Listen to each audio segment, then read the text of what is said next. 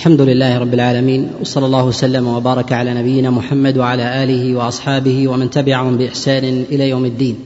أما بعد فإن الله سبحانه وتعالى قد امتن على هذه الأمة منة عظيمة أن جعلها آخر الأمم وأرسل إليها آخر الأنبياء محمدا صلى الله عليه وسلم وأنزل عليه أفضل وأشمل كتبه وهو القرآن الكريم. خص الله جل وعلا هذه الأمة بجملة من الخصائص والفضائل. من أراد أن يتأملها في ظواهر الأدلة من كلام الله جل وعلا وكلام رسول الله صلى الله عليه وسلم والأدلة العامة مما ورد عن السلف لتعذر ذلك عليه ولم يتيسر في مجالس معدودة. وهذا من فضل الله سبحانه وتعالى ومنته على هذه الأمة. وقد امتن الله جل وعلا على هذه الأمة بأن جعل هذا الدين دينا ميسورا سهلا سمحا حنيفا مستقيما. جعل الله سبحانه وتعالى المسلك الذي يجب على العباد أن يسلكوه مستقيما لا ينحرف ولا يحيد يمنة ولا يسرة.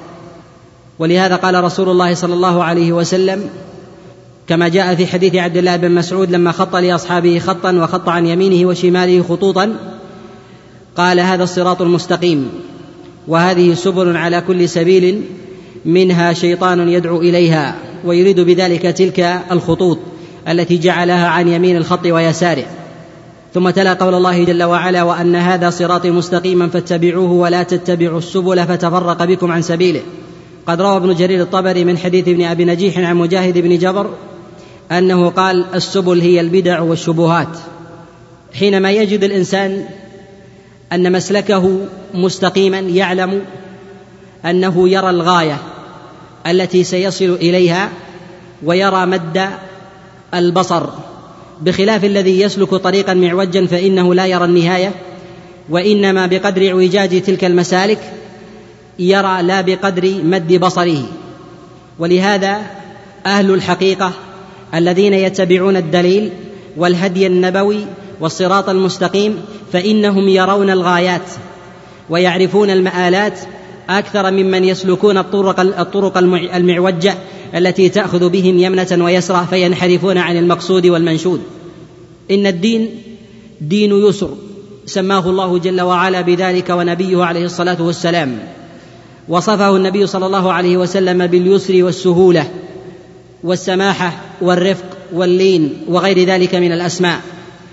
فكان هذا الأصل في تشريع الإسلام أن الدين دين يسر لا دين لا دين مشقة.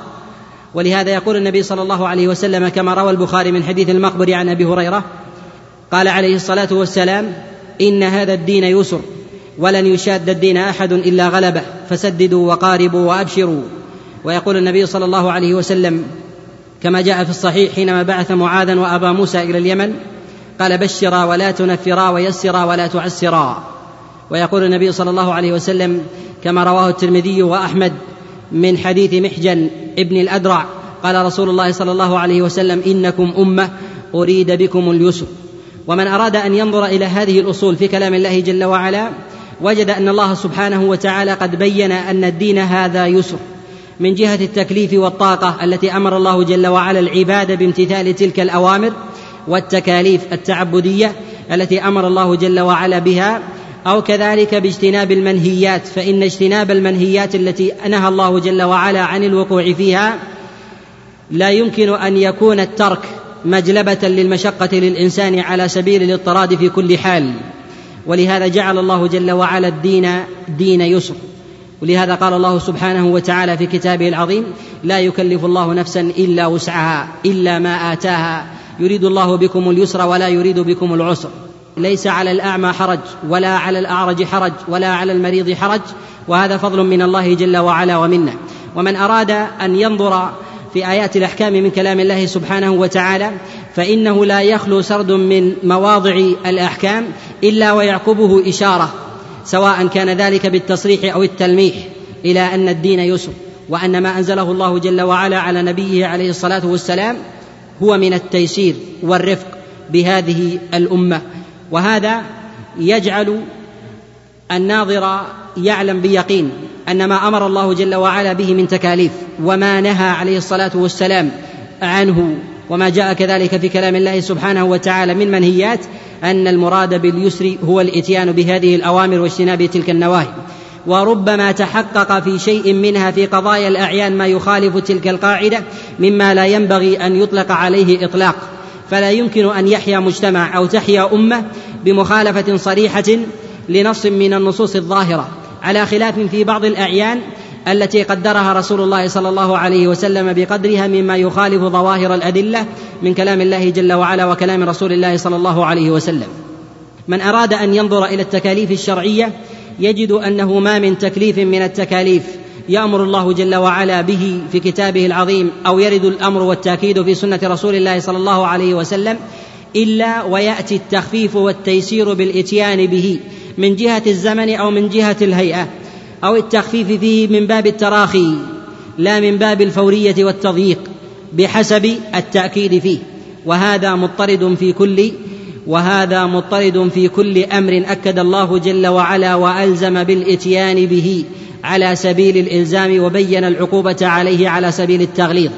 وكلما كان الأمر من جهة التشريع يسيرا فإن الشروط والقيود تكون في ذلك تكون في ذلك أقرب مناسبة إلى ذلك الإطلاق من الأمر والنهي. وهذا من نظر فيه يجد أنه من أشباه من أشباه المسائل المضطردة في الأوامر والنواهي التي جاءت في كلام الله سبحانه وتعالى وكلام رسول الله صلى الله عليه وسلم. إن الدين يسر وسهل. ولهذا كان رسول الله صلى الله عليه وسلم يترجم تلك السهولة بأقواله وأفعاله في معشره. وذهابه ومجيئه في أسفاره وإقامته. وهذا التيسير من النبي صلى الله عليه وسلم هو بامتثال ما جاء به الشارع الحكيم. ويكون التيسير من جهة البلاغ كما كان رسول الله صلى الله عليه وسلم ييسر لهذه الأمة البلاغ ويخفف عليها ولهذا كانت الشريعة التي جاء بها رسول الله صلى الله عليه وسلم ليست على سبيل الإجمال. فنزل عليه القرآن منجما كما هو معلوم. نزل منه شيء في مكة من أحكام التوحيد وبعض الأصول العامة وكذلك دفع جملة من الوسائل المتعلقة بالشرك بالنهي عنها وجاء جملة من الأحكام الشرعية من أركان الإسلام بعد ذلك في المدينة. إن التيسير من المسائل المهمة وذلك أن التيسير أصل من أصول الإسلام ومقصد من مقاصده فلم يكن التشديد والمبالغة والحرج أصل من الأصول من أصول الإسلام على الإطلاق وإنما الأصل المتقرر والذي هو محل إجماع ومن نظر إلى نصوص الكتاب والسنة وجد أنها ناطقة به على سبيل التصريح أو على سبيل أو على سبيل المعنى والفحوى وهذا في كل أمر يرد يرد في الشريعة. لهذا وجب على الإنسان أن يتفقه في مسائل في مسائل الدين ابتداء وأن يعرف مواضع التيسير كذلك من غيره. كذلك مع كثرة النوازل الواردة في الأزمنة المتأخرة التي تستلزم النظر والتوسع بمعرفة كلام الله وكلام رسول الله صلى الله عليه وسلم ومعرفة ما عليه فتوى القرون المفضلة من أصحاب رسول الله صلى الله عليه وسلم والتابعين وأتباعهم وأئمة الإسلام ممن جاء بعدهم ممن يقتدى بهم ممن اعتنى بالمصدر الاصلي من الاتباع وهو كلام الله جل وعلا وكلام رسول الله صلى الله عليه وسلم. وفي هذا الزمن كثر الكلام حول مسألتين المسألة الأولى ما تتعلق بمعنى الفقه وحقيقته والمسألة الأخرى ما يتعلق بمسألة التيسير وحقيقتها. يتنازعها أطراف كثر وكل يدعي وصلا بليلى وليلى لا تقر لهم بذاك إلا من كان على سبيل الاتباع بالدليل والاقتداء بهدي رسول الله صلى الله عليه وسلم. إن من أخذ التيسير على أن المراد بذلك هو عدم المشقة على الإنسان بذاته وعلى المجتمعات بإطلاق. مخالفا بما مخالفا ما جاء من النصوص من كلام الله جل وعلا وكلام رسول الله صلى الله عليه وسلم فقد خالف المقصود من التشريع. من أراد أن ينظر إلى النصوص الشرعية يجد أن الشارع إنما وصف التيسير بالإتيان بهذه الأوامر واجتناب تلك النواهي وهي أصل وهي أصل التكليف. فلهذا قال الله جل وعلا في كتابه العظيم لا يكلف الله نفسا الا إلا وسعها. فالتكليف الذي نزل من الله سبحانه وتعالى يكون بقدر الوسع الذي يجب على الإنسان أن يمتثله. فإذا خالف الإنسان تلك القاعدة فقرر أمرا عاما معتمدا على أصل على أصل متقرر وهو أصل التيسير فقد تجرد عن معرفة الفقه الذي أمر رسول الله صلى الله عليه وسلم بمعرفته. كثير من الناس يتكلم عن مسألة التيسير ويجردها عن معنى الفقه ويحيد عن ذلك الوصف سواء الوصف الأول أو الوصف الثاني. فيكون مضطربا في أبواب الفقه وليس من أهل المعرفة بمسائل الخلاف ومسائل الأدلة التي لا يسوغ الخروج عنها. وإما أن يكون مضطربا في مسائل التيسير وليس بعارف بالقواعد التي وضعها رسول الله صلى الله عليه وسلم في فتاوى الخاصة دون العامة. وكذلك ما يفتى به في بعض الأحيان دون بعض وما يدخل في أبواب التدرج وما لا يدخل فيه. ولهذا رسول الله صلى الله عليه وسلم كانت شريعته على التدرج. علم الناس الفقه وأصل لهم التشريع. فمن أراد أن يكون بصيرا بمسائل الفقه بالفقه والتيسير في الدين فلا بد أن يكون متبصرا بشقي وطرفي هذه المسألة أن يكون من أهل الفقه والدراية. أن يعرف مراتب الحزم والتأكيد من الشريعة وأن يعرف كذلك أحوال الناس. وهذا مرتبط بالشق الآخر, الآخر بمعرفة التيسير ومواضعه. ولهذا كان رسول الله صلى الله عليه وسلم ينزل في بعض المواضع التيسير ولا ينزله في موضع آخر لاختلاف لاختلاف أحوال المخاطبين. مع كون المسألة واحدة فاحتاج إلى معرفة فقه ذلك التيسير وفقه أحكام الشريعة. فلما كان الإنسان بصيرا بهذين بهذين بهذين الوجهين وهذين الشقين كان من أهل المعرفة والدراية وعلى نهج قويم. ولهذا رسول الله صلى الله عليه وسلم لما أمره الله جل وعلا أن يبلغ من جاء بعده بطريقه قال سبحانه وتعالى قل هذه سبيلي أدعو إلى الله على بصيرة أنا ومن اتبعني. ومراده بهذه البصيرة هي معرفة الأحكام الشرعية من كلام الله جل وعلا وكلام رسول الله صلى الله عليه وسلم. كذلك معرفة أحوال المخاطبين. فإن معرفة الإنسان لمجرد النص لا يخوله بإطلاق الأحكام على سائر الأحوال إلا على سبيل التعميم لا على سبيل التنزيل. فربما خرج أحد من أفراد الناس أو ربما استثنيت حالة من الأحوال عما يخالف النص لقوة أصل قد خرج بها عن ذلك النص الذي لم يرد الشارع به تأكيدا على سبيل الإلزام والحتم. ولهذا وجب على الإنسان إذا أراد أن يكون من أهل المعرفة والدراية بهذا الباب أن يكون عارفا في أبواب الفقه التي قال فيها رسول الله صلى الله عليه وسلم كما جاء في الصحيح من يرد الله به خيرا يفقهه يفقهه في الدين. فإذا كان الإنسان بصيرا بالفقه في الدين وكان عارفا بأحوال المخاطبين ومراتب التيسير فإنه حينئذ يوفق إلى معرفة الصواب.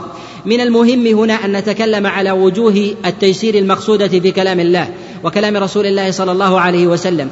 وكذلك أن نتكلم على شيء من الصور التي التي قالها رسول الله صلى الله عليه وسلم أو فعلها أو أفتى بها لبعض أصحابه حتى يتصور الإنسان نوعا من أنواع من أنواع التيسير الذي قصده رسول الله صلى الله عليه وسلم.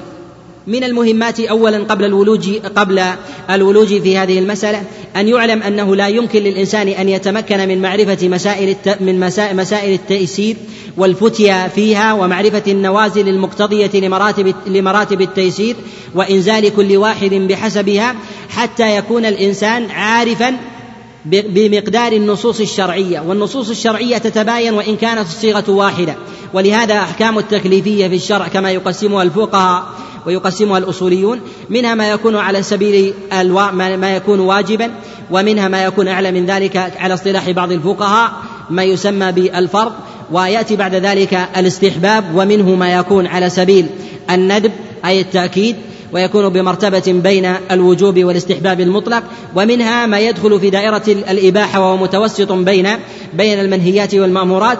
ويأتي بعد ذلك مسألة الدركات أي دركات دركات المنهيات وأولها أبواب المكروهات ومنها ما يتعلق بأمور العبادات وهي أغلظها ومنها ما يتعلق بأمور المعاملات ويأتي بعد ذلك ويأتي بعد ذلك المنهيات المطلقة مما يتعلق في أمور الآداب. ولهذا العلماء عليهم رحمة الله يفرقون بين هذه المسائل في حال في حال التضاد وعند إنزال الأحكام. ويأتي بعد ذلك مسائل التغليظ في مسائل المحرمات. من المحرمات المطلقة التي لم يدل الدليل في كلام الله جل وعلا وكلام رسول الله صلى الله عليه وسلم على بيان مرتبة من مراتبها والأصل في ذلك أنها تكون من الصغائر. ويأتي بعد ذلك ما يتعلق بمسألة الكبائر. ويأتي بعد ذلك ما هو من أكبر الكبائر. وأولها ويتصدرها هو الإشراك مع الله جل وعلا غيره. وهذا بإجماع بإجماع العلماء. يجب على الإنسان أن يكون بصيرا بأدلة هذه المسائل. عارفا بالمقصود من المخاطبين بالمقصود من المخاطبين بها. فلا يسوغ للإنسان أن يخاطب كافرا بفروع الشريعة وهو لم يقر بالتوحيد. وإذا كانت إقامة الكافر في بلاد في بلاد الكفر فمخاطبته بالأمور التعبدية أبعد. بخلاف الأمور الظاهرة التي تكون في بلاد المسلمين كمسألة الزي الظاهر وغيره فإنه خارج عن مسألتنا كما تكلم على هذا العلماء. لهذا ينبغي للإنسان أن يكون أن يكون بصيرا بمواضع أدلة الأحكام التي تشترك من جهة الصيغة والإطلاق. فما جاء عن رسول الله صلى الله عليه وسلم من الأمر بإفعل أو التأكيد بذلك إذا اقترن بغيره بفعل فإن ذلك آكد من تجرد أحدهما عن الآخر. أو نهي رسول الله صلى الله عليه وسلم عن شيء بقوله لا تفعل. أو النص على تحريمه بقوله عليه الصلاة والسلام أو مما جاء في كلام الله جل وعلا بقوله حرمت عليكم أو حرم عليكم كذا أو نهى رسول الله صلى الله عليه وسلم عن كذا. فإن هذه لها مراتب. فينبغي لمن سلك طريق البلاغ للناس وأراد أن يبلغ الدين على سبيل التيسير أن يسلك نهج النبي صلى الله عليه وسلم. ويتضح التيسير في الدين في نهجه عليه الصلاة والسلام بعدة مسالك. المسلك الأول بمعرفة مواضع التدرج بمعرفة السابق واللاحق. ولهذا كما تقدم الشريعة نزلت على نبينا محمد صلى الله عليه وسلم على سبيل التدرج بأركان الإسلام. فالصلاة لم تكن فريضة وإنما كانت مستحبة فكان رسول الله صلى الله عليه وسلم يصلي وأبو بكر ومعه من آمن معه على سبيل النفل في مكة. ثم لما فرضت الصلاة على رسول الله صلى الله عليه وسلم فرضت ركعتين. ثم فرضت على رسول الله صلى الله عليه وسلم تماما فأقرت صلاة السفر وزيد في صلاة الحضر ورخص في ذلك رخص معلومة فينبغي للإنسان أن يعرف تلك الأحوال. ولهذا المتقرر عند المحققين من العلماء أن التدرج الوارد عن رسول الله صلى الله عليه وسلم في الأحكام لا حرج على الإنسان أن ييسر فيه في تعامله مع حديث الإسلام أو الرجل الذي قد أقلع عن ذنب من الذنوب أن يتدرج معه في أبواب الترك فيدع المحرم إلى المكروه ثم يدع المكروه إلى إلى المباح ثم يترقى ثم يترقى في ذلك كما كان رسول الله صلى الله عليه وسلم حينما حرم جملة من المحرمات منها ما يتعلق في أبواب المعاملات من أمور الربا ومنها ما يتعلق في أمور المطعومات كمسألة كمسألة الخمر وغيرها ومنها ما يتعلق بأمور الأفعال كمسألة العبادات بالإتيان بأركان الإسلام وغير ذلك. فرسول الله صلى الله عليه وسلم قد نهى عن الغايات في أمور العقائد ثم تلاها بعد ذلك النهي عن الوسائل وهي ما يسميها بعض العلماء بالشرك الأصغر بما يتعلق بمسائل الاعتقاد أو الأقوال أو الأفعال. فينبغي للإنسان أن يعرف تلك المراتب حتى يخاطب الناس. لهذا المترجع عند العلماء أنه لا حرج على الداعي أن ييسر على المخاطبين عند خطابهم بالبلاغ إذا كانوا من أهل من أهل الحداثة بالإسلام. وحديث عهد بكفر أن يخاطبهم كما كان رسول الله صلى الله عليه وسلم يخاطب المشركين على سبيل التدرج قبل أن ينزل عليه الوحي. وقد يشكل على هذا على بعض الداعين في مسألة التيسير في أبواب التدرج أن الشريعة قد نزلت على سبيل التمام. والله جل وعلا قد أكمل لهذه الأمة الدين. ولا ينبغي لإنسان أن يأخذ نصا ويدع الآخر. فنقول إن الإنسان إذا سلك طريق التيسير على سبيل التدرج فإنه لا يأخذ نصا من جهة فعل المكلف ولكن يأخذ على سبيل البلاغ. فرسول الله صلى الله عليه وسلم يعلم حرمة الخمر ولكن لم ينزل عليه شيء من الوحي يخاطب به الناس. ولهذا رسول الله صلى الله عليه وسلم لا يسوغ منه نظرا ولا عقلا أن يقع في شيء من الكبائر لأن ذلك محرم عليه شرعا ومحرم عليه عقلا. فلم يقع رسول الله صلى الله عليه وسلم في شيء من ذلك. ولهذا يفرق بين حال المخاطب وبين حال المخاطب. فالمخاطب يحرم عليه ذلك ولا يقول للإنسان أني أتدرج مع شارب الخمر فأشرب معه في غير شهود صلاة. وإنما يتدرج مع شارب الخمر كما كان رسول الله صلى الله عليه وسلم يتدرج إذا وجد في ذلك حاجة. وإلا فالأصل في ذلك هو النهي على الإطلاق أن تبين الحرمة خاصة مع تمكن الدين وقيام الشريعة والحكم بما أنزل الله بخلاف لو كان الإنسان في بلد في بلد لم لا يحكم فيه بالشريعة وكان الإيمان فيه ضعيفا ولم تظهر فيه راية الإسلام فإن الإنسان قد قد يتدرج في البلاغ والمخاطبة ويكون حينئذ مخاطب كحال المورث نبينا محمد صلى الله عليه وسلم. لهذا ينبغي للإنسان أن يفرق بين حال المخاطب وبين حال المخاطب فإنه يتنزه عن المحرمات وهو يأثم بذلك ولا يسوغ له أن يتدرج بذاته. أما بالنسبة للمخاطبين فإنه لا حرج عليه أن يتدرج بأحوالهم. ولهذا رسول الله صلى الله عليه وسلم لما فرض الله جل وعلا عليه الصلوات الخمس تدرج في خطاب بعض المكلفين مع كون بعض المكلفين من المخاطبين بالصلوات كلها كما روى الإمام أحمد في كتابه المسند من حديث قتادة عن نصر بن عاصم عن رجل منهم جاء إلى رسول الله صلى الله عليه وسلم فبايعه على أن لا يصلي إلا صلاتين. فبايعه رسول الله صلى الله عليه وسلم على ذلك. وهذا على سبيل التدرج. والتدرج ينبغي أن يسلكه الناظر في أضيق السبل وهو أن الإنسان إذا أقبل على الإسلام أو أقبل على الحق فإنه ينظر في حاله. إما أن يقبل الحق بجملة وكان من أهل اللين والإقبال فإنه يعلم الإسلام يعلم الإسلام جملة كما أنزله الله جل وعلا. وأما إذا كان حديث عهد بكفر ويخشى منه الإدبار فإنه يتدرج مع ذلك معه في ذلك. ويظهر هذا في الإنسان الذي يشترط في إسلامه فإنه يتدرج معه ما لا يتدرج مع غيره. ولهذا رسول الله صلى الله عليه وسلم لما جاءه ذلك الأعرابي كما جاء في حديث أنس بن مالك في الصحيحين وغيرهما وأراد أن يعلمه الإسلام. فقال آه الله فرض عليك أن نصلي خمس صلوات في اليوم والليلة. قال اللهم نعم. ولما جاءه ذلك الرجل كما أخبر نصر بن عاصم قال جاء رجل منا إلى رسول الله صلى الله عليه وسلم ليبايعه فاشترط عليه ألا يصلي إلا صلاتين فبايعه رسول الله صلى الله عليه وسلم على ذلك. وذلك إن الإنسان إذا بقي على كفره فإنه أشد وأغلظ من دخوله في الإسلام مع, مع إيمانه بالصلوات الخمس ولكنه يفرط بالإتيان بشيء بشيء منها فيأتي بصلاتين وثلاثة بحسب سعته مع الإيمان مع الإيمان بالله جل وعلا والإيمان بالتشريع. ثم إن الأمر الذي يرد في الشريعة لا يمكن أن ينازع فيه في قبوله أحد. فإذا قيل لإنسان إنك تأمر الناس بالتدرج والشريعة جاءت تامة. نقول إن التدرج في مسألة البلاغ يختلف في مسألة التدرج من جهة الإيمان والتسليم. فإن الإنسان يجب عليه أن يؤمن أن الصلوات خمس. فإذا آمن بأن الصلوات خمس فإنه يتنزل معه من جهة الأداء. باعتبار أنه يقع في كبيرة في كبيرة من الكبائر أهون من أن يقع الإنسان أن يقع الإنسان في الشرك المخرج المخرج من الملة كأن يكون وثنيا أو يكون من اليهود والنصارى وغيرهم فإنه يخافه معه ما لا يخافه مع غيره. ولا حرج على المبلغ حينئذ أن يبلغه بالشريعة تامة أو يبلغه على سبيل التدرج خشية أن أن يحجم عن الإيمان. فيأمره ببعض الصلوات ولا يبلغه بالخمس ولكنه لو بلغه بالخمس وجب عليه أن يؤمن ولا يقبل معه ولا يقبل معه الجحود. وهذا ظاهر فعل رسول الله صلى الله عليه وسلم.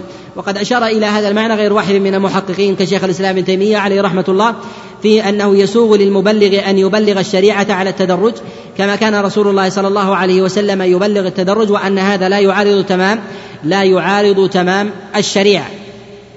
ومن الأمور المهمة هنا في مسألة فهم التيسير الذي قصده رسول الله صلى الله عليه وسلم أن الإنسان إذا أراد البلاغ في التيسير أن يعلم أن الشريعة ذاتها يسر وأن الإنسان يجب عليه أن يؤمن بها كما جاءت وأن يمتثل ذلك الأمر وأنه لا مساومة في مسألة التكاليف إلا على سبيل إلا على سبيل التدرج ويخفف في الإنسان بحسب حاله فإذا كان من الوثنية ينتقل إلى إلى الإيمان ولو كان عاصيا بحسب بحسب حاله.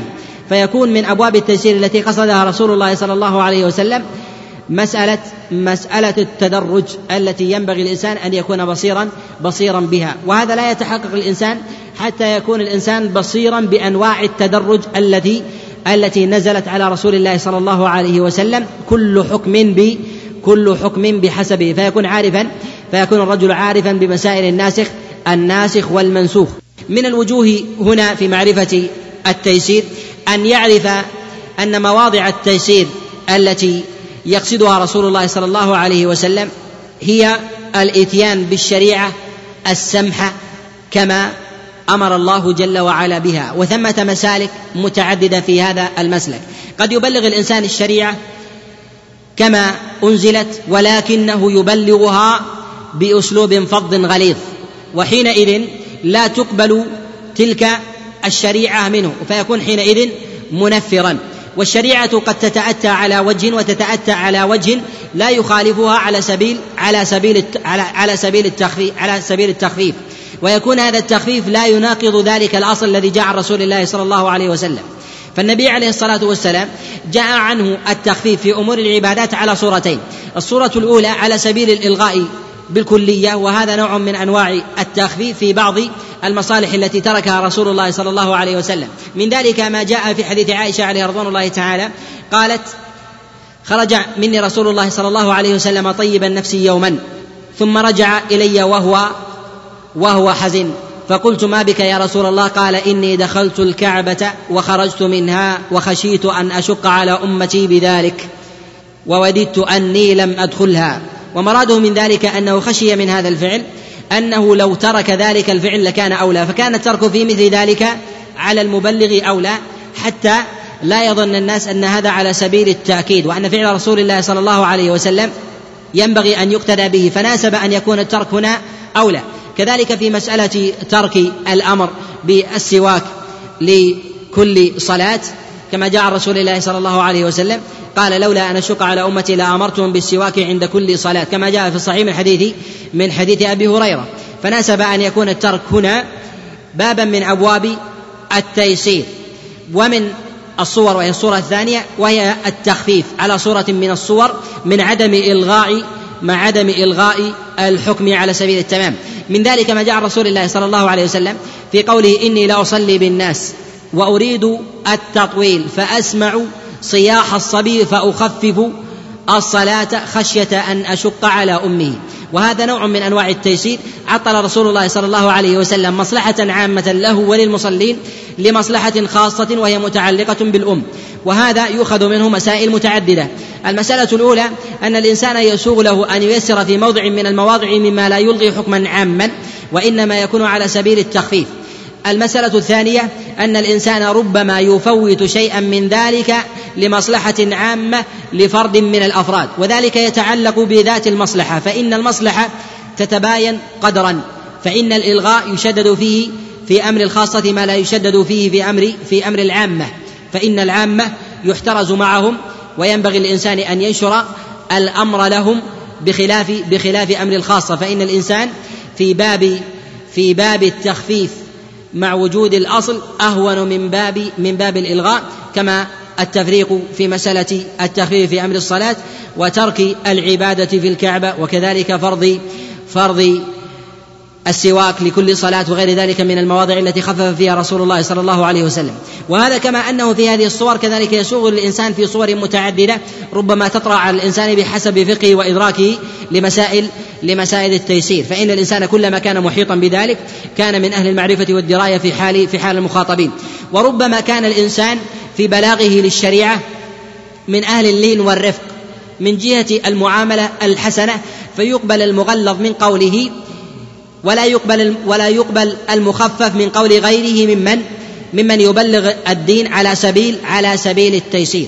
ونعلم أن رسول الله صلى الله عليه وسلم حينما بعث معاذا إلى اليمن قد بلغهم بأمر محتوم على سبيل الترتيب كما جاء في البخاري من حديث أنس بن من حديث عبد الله بن عباس عليه رضوان الله تعالى قال بعث رسول الله صلى الله عليه وسلم معاذا إلى اليمن فقال إنك تأتي قوما أهل كتاب فليكن أول ما تدعوهم إليه إلى ان إلى أن يوحدوا الله.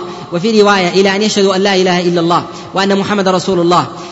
فإنهم أجابوك لذلك فاعلموا أن الله افترض عليهم خمس صلوات في اليوم والليلة. فإنهم أجابوك لذلك فاعلموا أن الله افترى أن الله افترض عليهم زكاة تؤخذ من أغنيائهم فترد في فقرائهم من نظر إلى هذا التدرج من النبي عليه الصلاة والسلام علم أنه جزء من المقصود من قوله عليه الصلاة والسلام لمعاذ بن جبل ولأبي موسى يسرا ولا تعسرا وبشرا ولا تنفرا فالمقصود من التيسير ليس هو إلغاء الحكم الشرعي وإنما هو التدرج في التدرج في الخطاب بحسب إدراك الأهمية من خطاب رسول الله صلى الله عليه وسلم. فإن النبي عليه الصلاة والسلام قدم التوحيد ثم قدم أهم أركان الإسلام العملية وهي الصلاة ثم جاء بعد ذلك الزكاة ثم جاء بعد ذلك جملة من الأحكام التكليفية التي أمر رسول الله صلى الله عليه وسلم معاذا وأبا موسى أن يبلغوها للناس. ومن وجوه التيسير التي قصدها رسول الله صلى الله عليه وسلم هي التيسير بالخطاب باللين والرفق. واللين بالخطاب للناس يظهر في أحوال وصور متعددة. من هذه الصور وهي اهمها أن يفقه الإنسان طريقة خطاب رسول الله صلى الله عليه وسلم وبلاغه. وطريقة الخطاب والبلاغ متضمنة لجملة أحوال تقع من من ذلك المبلغ. منها تلك الصيغة التي تظهر من الإنسان أن يكون ذلك باللين والرفق والشفقة والرحمة من غير من غير إغلاظ كما تقدم كما تقدم الإشارة إليه. وهذا قد جاء عن رسول الله صلى الله عليه وسلم في قوله كما جاء في حديث عبد الله بن عباس كما رواه الإمام أحمد وغيره من حديث من حديث داود بن حصين عن عكرمة عن عبد الله بن عباس أن النبي عليه الصلاة والسلام قال أحب الدين إلى الله الحنيفية السمحة والمراد من ذلك اللين. وكذلك ما جاء في حديث عائشة عليه رضوان الله تعالى في الصحيحين وغيرهما في قول رسول الله صلى الله عليه وسلم ما كان الرفق في شيء إلا زانه ولا نزع من شيء إلا شانه. والمراد بالرفق هو إيصال الخطاب للمخاطبين بأسهل عبارة وألين وألين حجة. وذلك أن الخطاب لا يفوت لا يفوت من فعل المخاطبين شيئا. فالأمر واحد. وكذلك بيان عاقبة التارك واحدة ولكن صيغة الخطاب تتباين. ولهذا عائشة عليها رضوان الله تعالى قصرت عن أسلوب رسول الله صلى الله عليه وسلم فأرشدها النبي عليه الصلاة والسلام إلى ما قصده. ولهذا لما سلم علي على النبي عليه الصلاة والسلام اليهودي فقال السلام عليك يا رسول الله. فقال رسول الله صلى الله عليه وسلم وعليكم. فقالت عائشة عليها رضوان الله تعالى وعليكم اللعنة. يا إخوة القردة والخنازير. ومراد عائشة عليها رضوان الله تعالى أنها قد فهمت ذلك المقصود من خطابهم فأرادت أن ترد عليهم بذلك التغليظ. ورسول الله صلى الله عليه وسلم من تأمل رده وجد أن فيه ردا عليهم بالمثل. وهم يدركون فالذين أدركوا كلمة السام والفرق بينها وبين السلام يدركون اجتزاء مقصود النبي عليه الصلاة والسلام وعليكم أي وعليكم أيضا أي أنهم يفهمون ذلك الخطاب. فهم فهموا مقصود رسول الله صلى الله عليه وسلم بتلك العبارة من غير إسهاب وتطويل فيها. كذلك فإن البلاغ قد يكفي في بعض الأحيان التلميح والعبارة الموجزة مع عدم التطويل وذلك أن التطويل ربما يكون منفرا. كذلك فإن رسول الله صلى الله عليه وسلم تحصل له من ذلك عدم نفرة اليهود من النبي عليه الصلاة والسلام. فلو عاملهم رسول الله صلى الله عليه وسلم بالغلظة والشدة مع ذلك الأسلوب الذي صاروا إلى التلميح وعدم التصريح بالعبارة فاستعملوا تلك العبارة التي كان النبي عليه الصلاة والسلام يستعملها وهي السلام وهي خاصة بالمؤمنين فقالوا السام عليك يا رسول الله. فقالوا السام عليك. فما اختاروا هذه العبارة؟ إلا لانطلائها في الظاهر فيما يظنون على النبي عليه الصلاة والسلام ولكنها لم تنطلي عليه. فلما كان خطابهم تلميحا رد عليهم النبي تلميحا. فلو كان خطابهم بدعاء صريح لدعا عليهم النبي عليه الصلاة والسلام على سبيل التغليظ والتصريح. فلما كان الخطاب مناسبا من جهة التلميح ناسب أن يكون كذلك في أبواب التلميح وهذا ما فات عائشة عليه رضوان الله تعالى فكان هذا نوع من أنواع التيسير.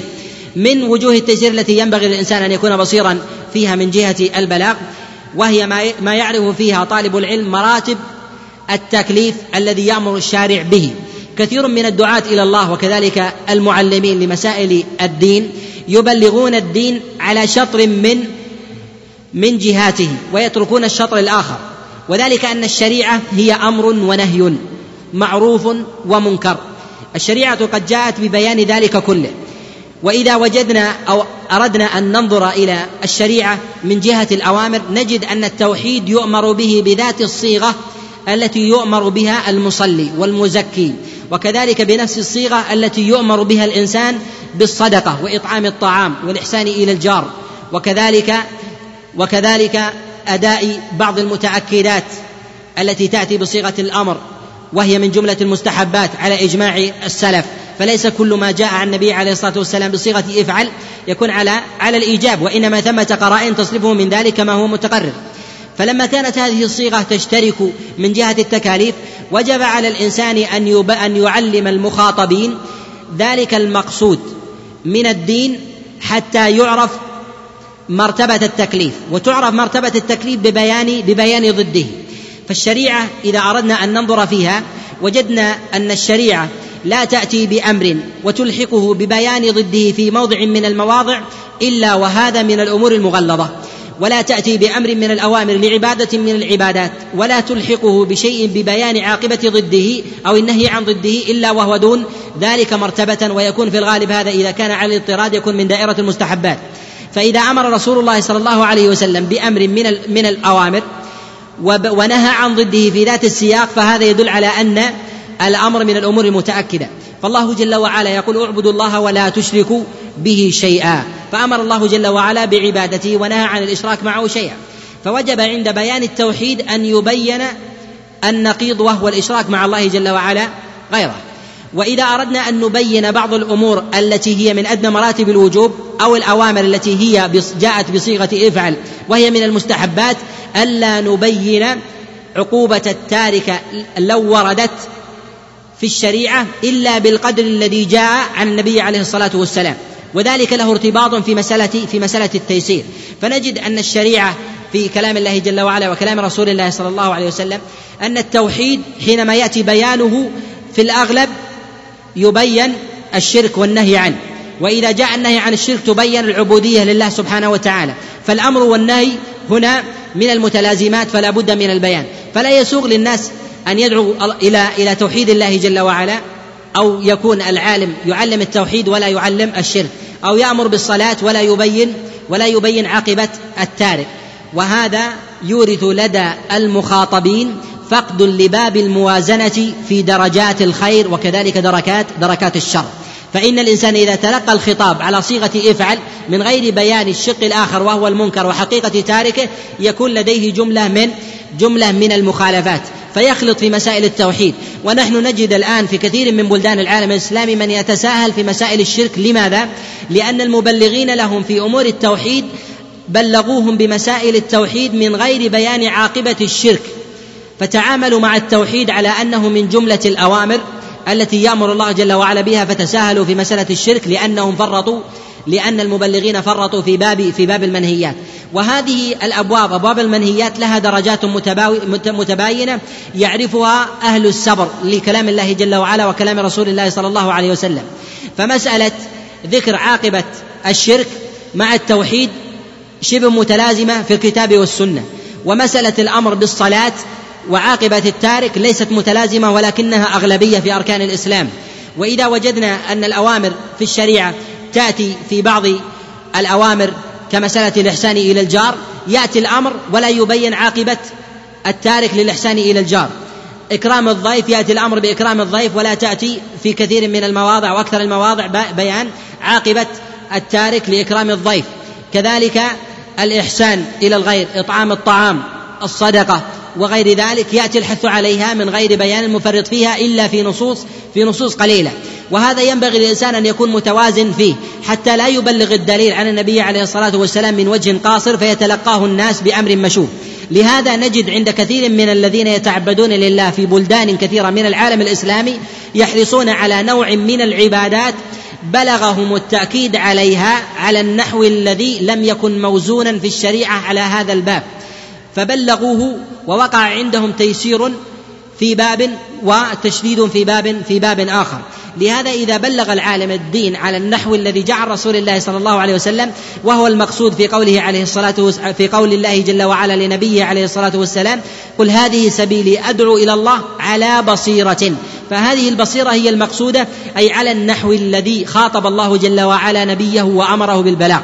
ومن أراد أن يبلغ الدين جملة على مراتبه المتباينة وأن يبلغ المنهيات جملة على دركاته المتباينة فإن ذلك يوقع خلطا عند كثير من عند كثير من الناس. لهذا يقع في يقع في هذا الخلط كثير من المتعلمين بل من يشار إليهم في البنان في امور في أمور الدعوة. فيهتمون في أبواب الأمر بالمعروف ويغيبون بالكلية أو على سبيل الاجتزاء لابواب لأبواب النهي عن المنكر. فيعطلون مسائل النهي عن المنكر في باب من حقه أن يبين عند الاقتران بالأمر. ويظهرون بعض الأمور في باب من الأمور التي حث الشارع عليها ولم يبين الشارع عاقبة التارك على سبيل التغليظ وإنما على سبيل وإنما على سبيل الندرة. فينبغي الإنسان أن يكون متزنا في هذا الباب عارفا للأدلة وكذلك طرائق النبي عليه الصلاة والسلام في البلاغ حتى لا يقع لبس عند عند المتلقين. فيخلط فتخلط المجتمعات في هذا الباب. لهذا نجد في كثير من المجتمعات من يقول إن التيسير في هذا الأمر. لماذا؟ لأن من يبلغ ذلك الدين سواء من الخطباء أو الوعاظ أو طلاب العلم أو الدعاة إلى الله لم يزنوا تلك الأوامر فوقع الخلط عند الناس. والواجب للعالم أن يزن الشريعة في ابواب في أبوابها بحسب الحال. وهي كما أنها في ذات النص تتباين في ذات المسألة المنصوصة في أبواب الأوامر والنواهي كذلك فإنها تتباين في مسألة المخاطبين. فقد يملك النص خطابا على سبيل التأكيد والمعرفة الشاملة بالصبر في أبواب الأوامر وكذلك النواهي في عاقبة الفاعل وكذلك عاقبة التارك ولكن المخاطب ينبغي أن يقصر معه في باب دون باب بحسب بحسب الحال. وذلك أن نفسيات الناس تتباين. منهم من يكون من أهل العلم والمعرفة فيحتاج إلى إلى بيان وبلاغ تام. ولهذا قد يقصر بعض الناس ويقول إن إن المتعلم ينبغي أن ييسر معه لأنه يفهم الخطاب. نقول ربما أن المتعلم يحتاج إلى بلاغ تام لأنه يعرف الميزان الحقيقي بخلاف بخلاف العام. ولهذا رسول الله صلى الله عليه وسلم كما جاء عند الإمام أحمد من حديث محجن ابن الأدرع قال دخل رسول الله صلى الله عليه وسلم مسجده وفيه رجل يصلي فقلت يا رسول الله إن هذا من أكثر أهل المدينة صلاة. فقال رسول الله صلى الله عليه وسلم ويلك لا تسمع فتهلكه. إنكم أمة أريد بكم اليسر. رسول الله صلى الله عليه وسلم هذا الرجل لم ينكر عليه الصلاة. النبي عليه الصلاة والسلام أنه صلى ولم يمسكه بعد الصلاة وقال إنك تكثر الصلاة. ولكن حث أصحابه ألا يبلغوه بهذا الوصف لأنه لا يتحقق فيه باب الموازنة فربما جاءه ذلك ذلك البلاغ من المدح فزاد في العبادة ولم يملك المقدار الشرعي في هذا الأمر. لهذا ينبغي للإنسان أن يفهم حال أن يفهم حال المخاطب وأن يفرق بين بين المخاطبين منهم من يستحق البلاغ والتأكيد ومنهم من لا يستحق إلا على سبيل التلميح ومنهم من يستحق التدرج ومنهم من لا يستحق التدرج. من وجوه التيسير التي كان النبي عليه الصلاة والسلام وأصحابه يحرصون يحرصون عليها هي مسألة التيسير في أبواب المعاملات مما لم يكن من أبواب التعبد المحض من أمور المعاملات بالآداب الخلق الحسن البشاشة وغير ذلك وهذا نوع من أنواع التيسير الذي كان رسول الله صلى الله عليه وسلم يفعله مع الناس على اختلاف على اختلاف أحوالهم. وهذا يتبين بحسب بحسب الإنسان. من كان قدوة في الناس فإنه يختلف عن سطة الناس. فينبغي للإنسان أن يحترز من مواضع الشبهات إذا كان قدوة بخلاف بخلاف غيره. وأن يتبسط مع أهله بالقدر الذي يزيد عن تبسطه مع غيره. وأما شدة الإنسان على نفسه ومع أهله فإن هذا يخالف ما كان من هدي رسول الله صلى الله عليه وسلم وأصحابه. ولهذا النبي عليه الصلاة والسلام من أراد أن يتأمل حاله ويسره مع مع أهله مع أهل داره من أزواجه وكذلك خدمه وغيرهم يجد النبي عليه الصلاة والسلام يكثر من التعامل مما يخالف تعامله الظاهر ويتباين من جهة القدر. لهذا النبي عليه الصلاة والسلام كان ينصت كثيرا لعائشة كما في حديث أم زرع في قصته في قصتها للنبي عليه الصلاة والسلام. كذلك في تخفيف النبي عليه الصلاة والسلام وتيسيره في مسألة الحسن والحسين والرفق معهما حينما نزل النبي عليه الصلاة والسلام من منبره فحمل الحسن والحسين.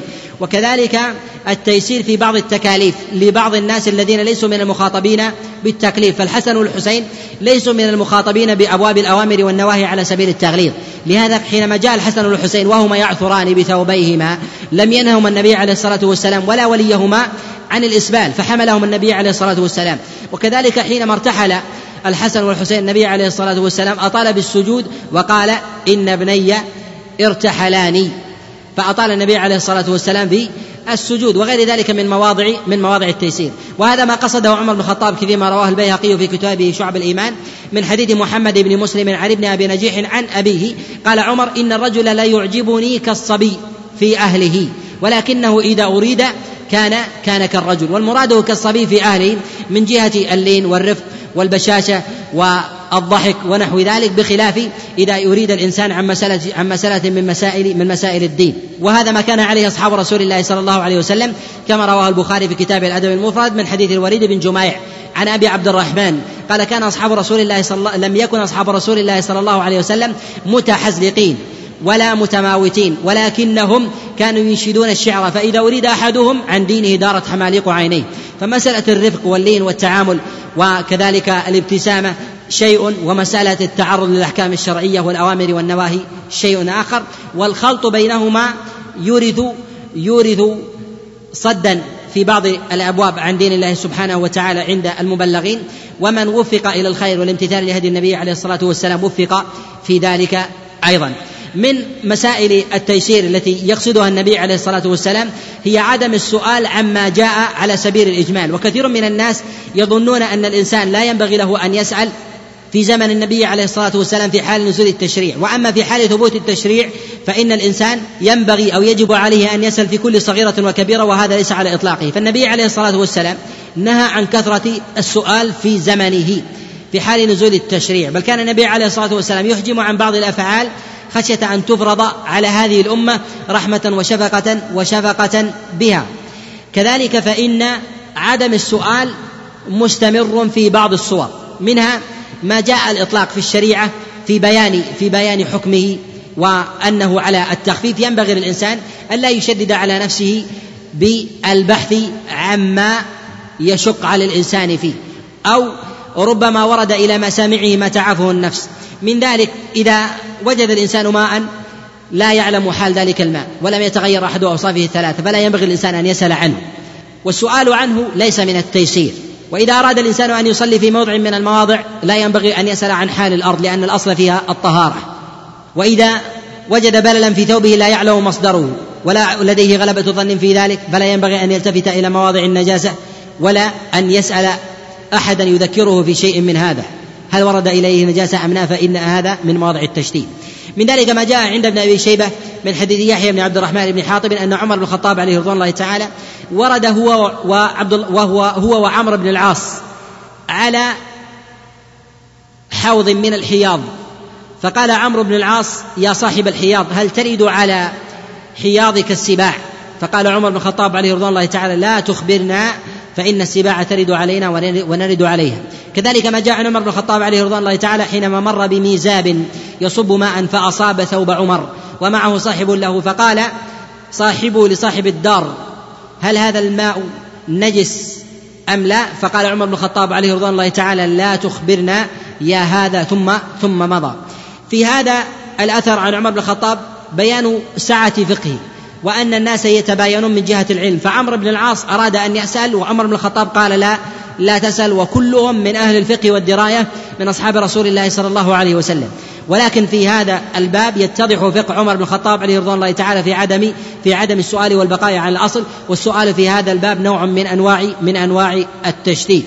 وهذا في حال الإنسان بخلاف بخلاف حال تقرير المسائل على سبيل العموم. معلوم أن الطهارة في مسائل المياه معلومة وأن الأصل في المياه الطهارة إلا إذا تغير أحد أوصافها أحد أوصافها الثلاثة سواء كان بالرائحة أو الطعم أو اللون. فإذا تغيرت بنجاسة فإن الماء نجس.